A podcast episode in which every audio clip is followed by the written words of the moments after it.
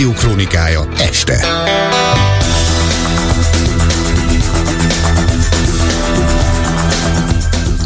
18 óra múlt három perccel, ez a lényeg, a Klubrádió hír összefoglalója mikrofonnál Suba Krisztina híreink röviden. Kiderült, hogy mikor jön Budapestre a svéd miniszterelnök. Bilincsben vitték el otthonából a Magyarországi Evangéliumi Testvérközösség gazdasági vezetőjét.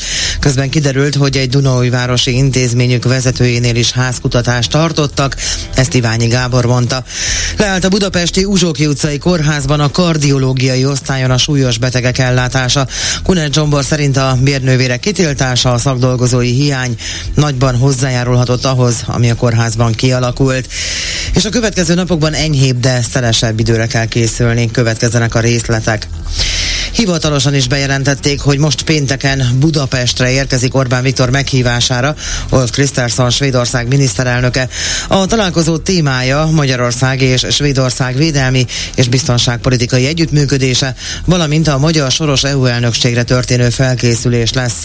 Megbeszélésük során az Unió előtt álló stratégiai menetrendet is áttekintik, ez áll a hivatalos közleményben. A tárgyalás eredményeiről sajtótájékoztatón számolnak majd be. A parlamenti Fidesz frakció vezetője Kocsis Máté ma jelentette be, hogy támogatják a svéd NATO csatlakozás megszavazását, és hogy azt kéri Kövér László házelnöktől, hogy a parlament február 26-ai ülésén tárgyalja a kérdést.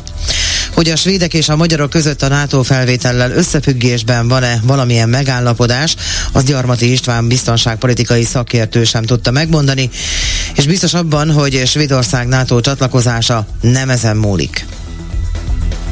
A svéd miniszterelnök már régen mondta, hogy amikor a parlament ratifikálja a csatlakozási okmányt, akkor ők kész eljönni Budapestre, és valószínűleg most ez betartja ezt a, az ígéretét. Hogy milyen háttéralkú van, hát a svédekkel vannak mindenféle gazdasági tárgyalásaik, meg megállapodásaik, hogy ott van a Gripen, ez egy nyitott kérdés. Az, hogy ebben megegyeznek, nem hiszem, hogy a, a svédek azért mentek ebbe bele, mert hogy ettől fölveszik őket a NATO-ba. Enélkül is meg lett volna valami megegyezés, de hát ez egy jó alkalom volt, hogy valamiben megegyezek, nem tudom miben egyébként, olyan óriási nagy drámai dolgokat nem várok, de hát azért svédeknek van sok minden, amit tudnak ajánlani, éppen kívül is.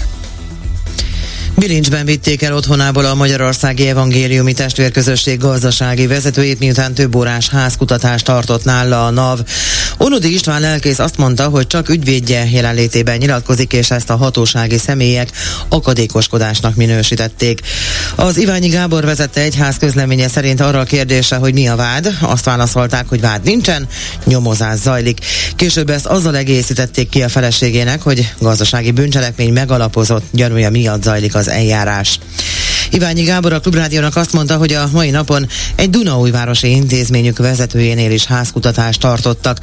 Szerinte az akció politikai indítatású másik intézményünkben, egy iskolánk vezetőjénél is Dunajvárosban megjelentek a lakásán, házkutatást tartottak, és átvitték Székesfehérvárra, hogy ugyanazok a nyomozók, akik kint jártak nála, ott próbáljanak meg felvenni tőle valamilyen nyilatkozatot, de hát mivel semmit nem számított, nem tudott erről, nem volt képes magának ügyvédről se gondoskodni. Kijelöltek neki ott egy ügyvédet. Istvánnál viszont az a helyzet, hogy neki van van, volt ügyvédje, de hát mivel senki senkit nem tájékoztatott előre, ezért az ügyvédje egy másik vidéki városban tárgyalt már reggel nyolckor, amikor megkapta a hírt, és nem volt képes elmenni. Békés Csabárat most próbáljuk megszervezni, hogy menjen le egy ügyvéd, és legyen segítségére az Istvánnak. Most 72 órára őrizetbe vették Békés Csabán, és ott az alatt döntik el, hogy, hogy vádat emelnek-e ellene. Szerintem ez semmi másról nem szól, mint nyomásgyakorlásról, és az a meggyőződésem, hogy nem is a ügyünk van ennek a középpontjában, hanem az a botrány, ami pedofil ügyben keveredett a kormány, mert mindenki pontosan tudja, hogy sem az igazságügyminiszter, sem a volt miniszter, most Püspök Balogh nem lépett ezekben az ügyekben úgy, hogy ne tudott volna erről a miniszterelnök, aki hát megpróbál most kisiklani ebből az egész történetből, és hát kapóra jön neki, hogy azt botrány csinálhat más helyen. Donát Anna a Momentum elnöke felajánlotta Iványi Gábornak, hogy a vasárnapi ellenzéki tüntetésen a Momentum helyén mondjon beszédet. Minden párt egy szónokot delegálhatott, ő a Momentum elnökeként Iványi Gábort javasolta. Megtagadta az országos mentőszolgálat a vasárnapi összellenzéki tüntetés biztosítását, közölte a DK. A szervezőpárt közlése alapján a mentő kapacitás hiányra hivatkoznak. A mentőszolgálatnak kötelessége biztosítani a tüntetéseket, ezért költségtérítést nem kérhet, és a jogszabály szerint kapacitás hiányra nem hivatkozhat, mondta a társasága a Szabadság jogokért jogásza a Klubrádiónak.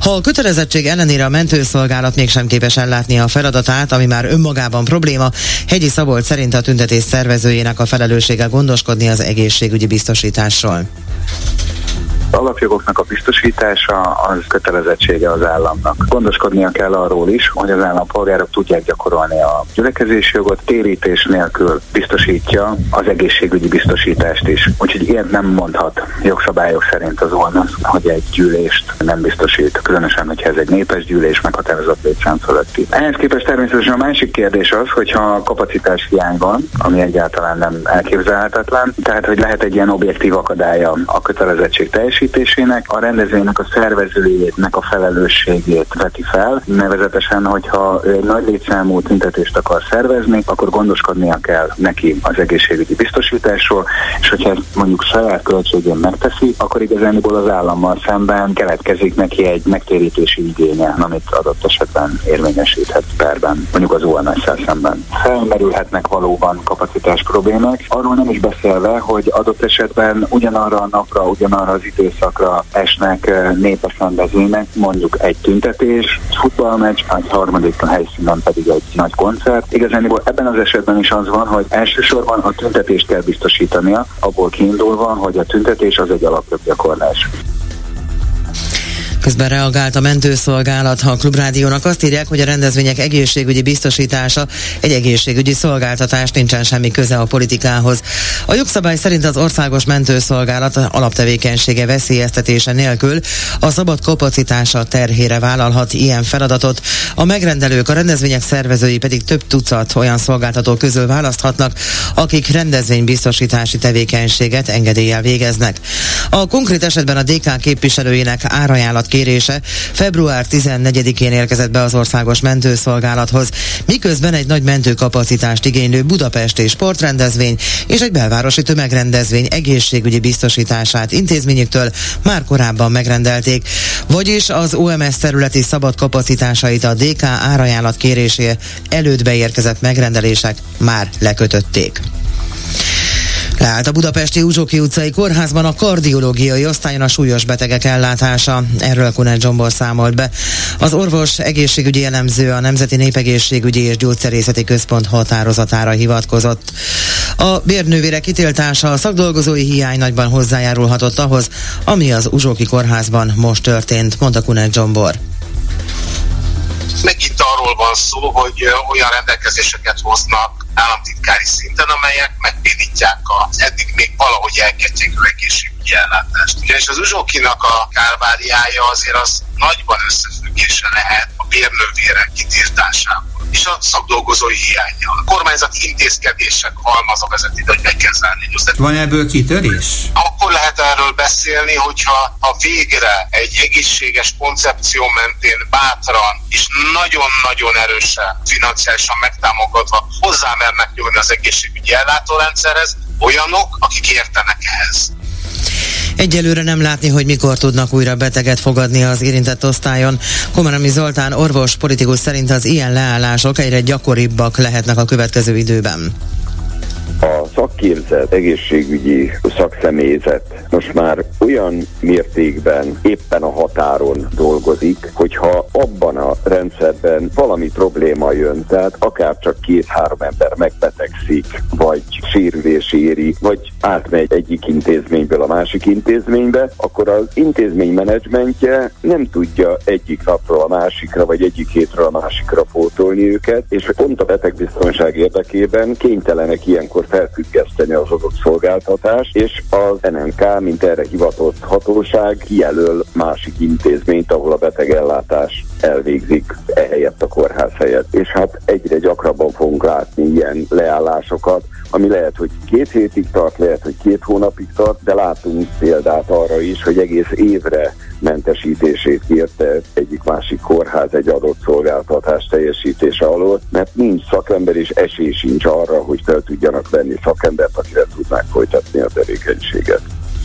Végül a várható időjárással holnap észak-keleten, keleten fordulhat még elő kisebb első zápor, másodszok napsütése számíthatunk, a nyugati a szél felé élénk lesz, hajnalban mínusz 2 és plusz 3 nap közben 9 és 15 fok között lesz majd a hőmérséklet.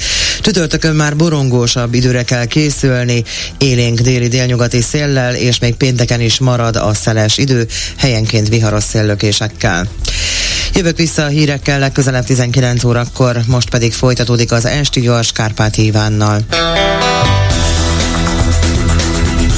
A lényeget hallották.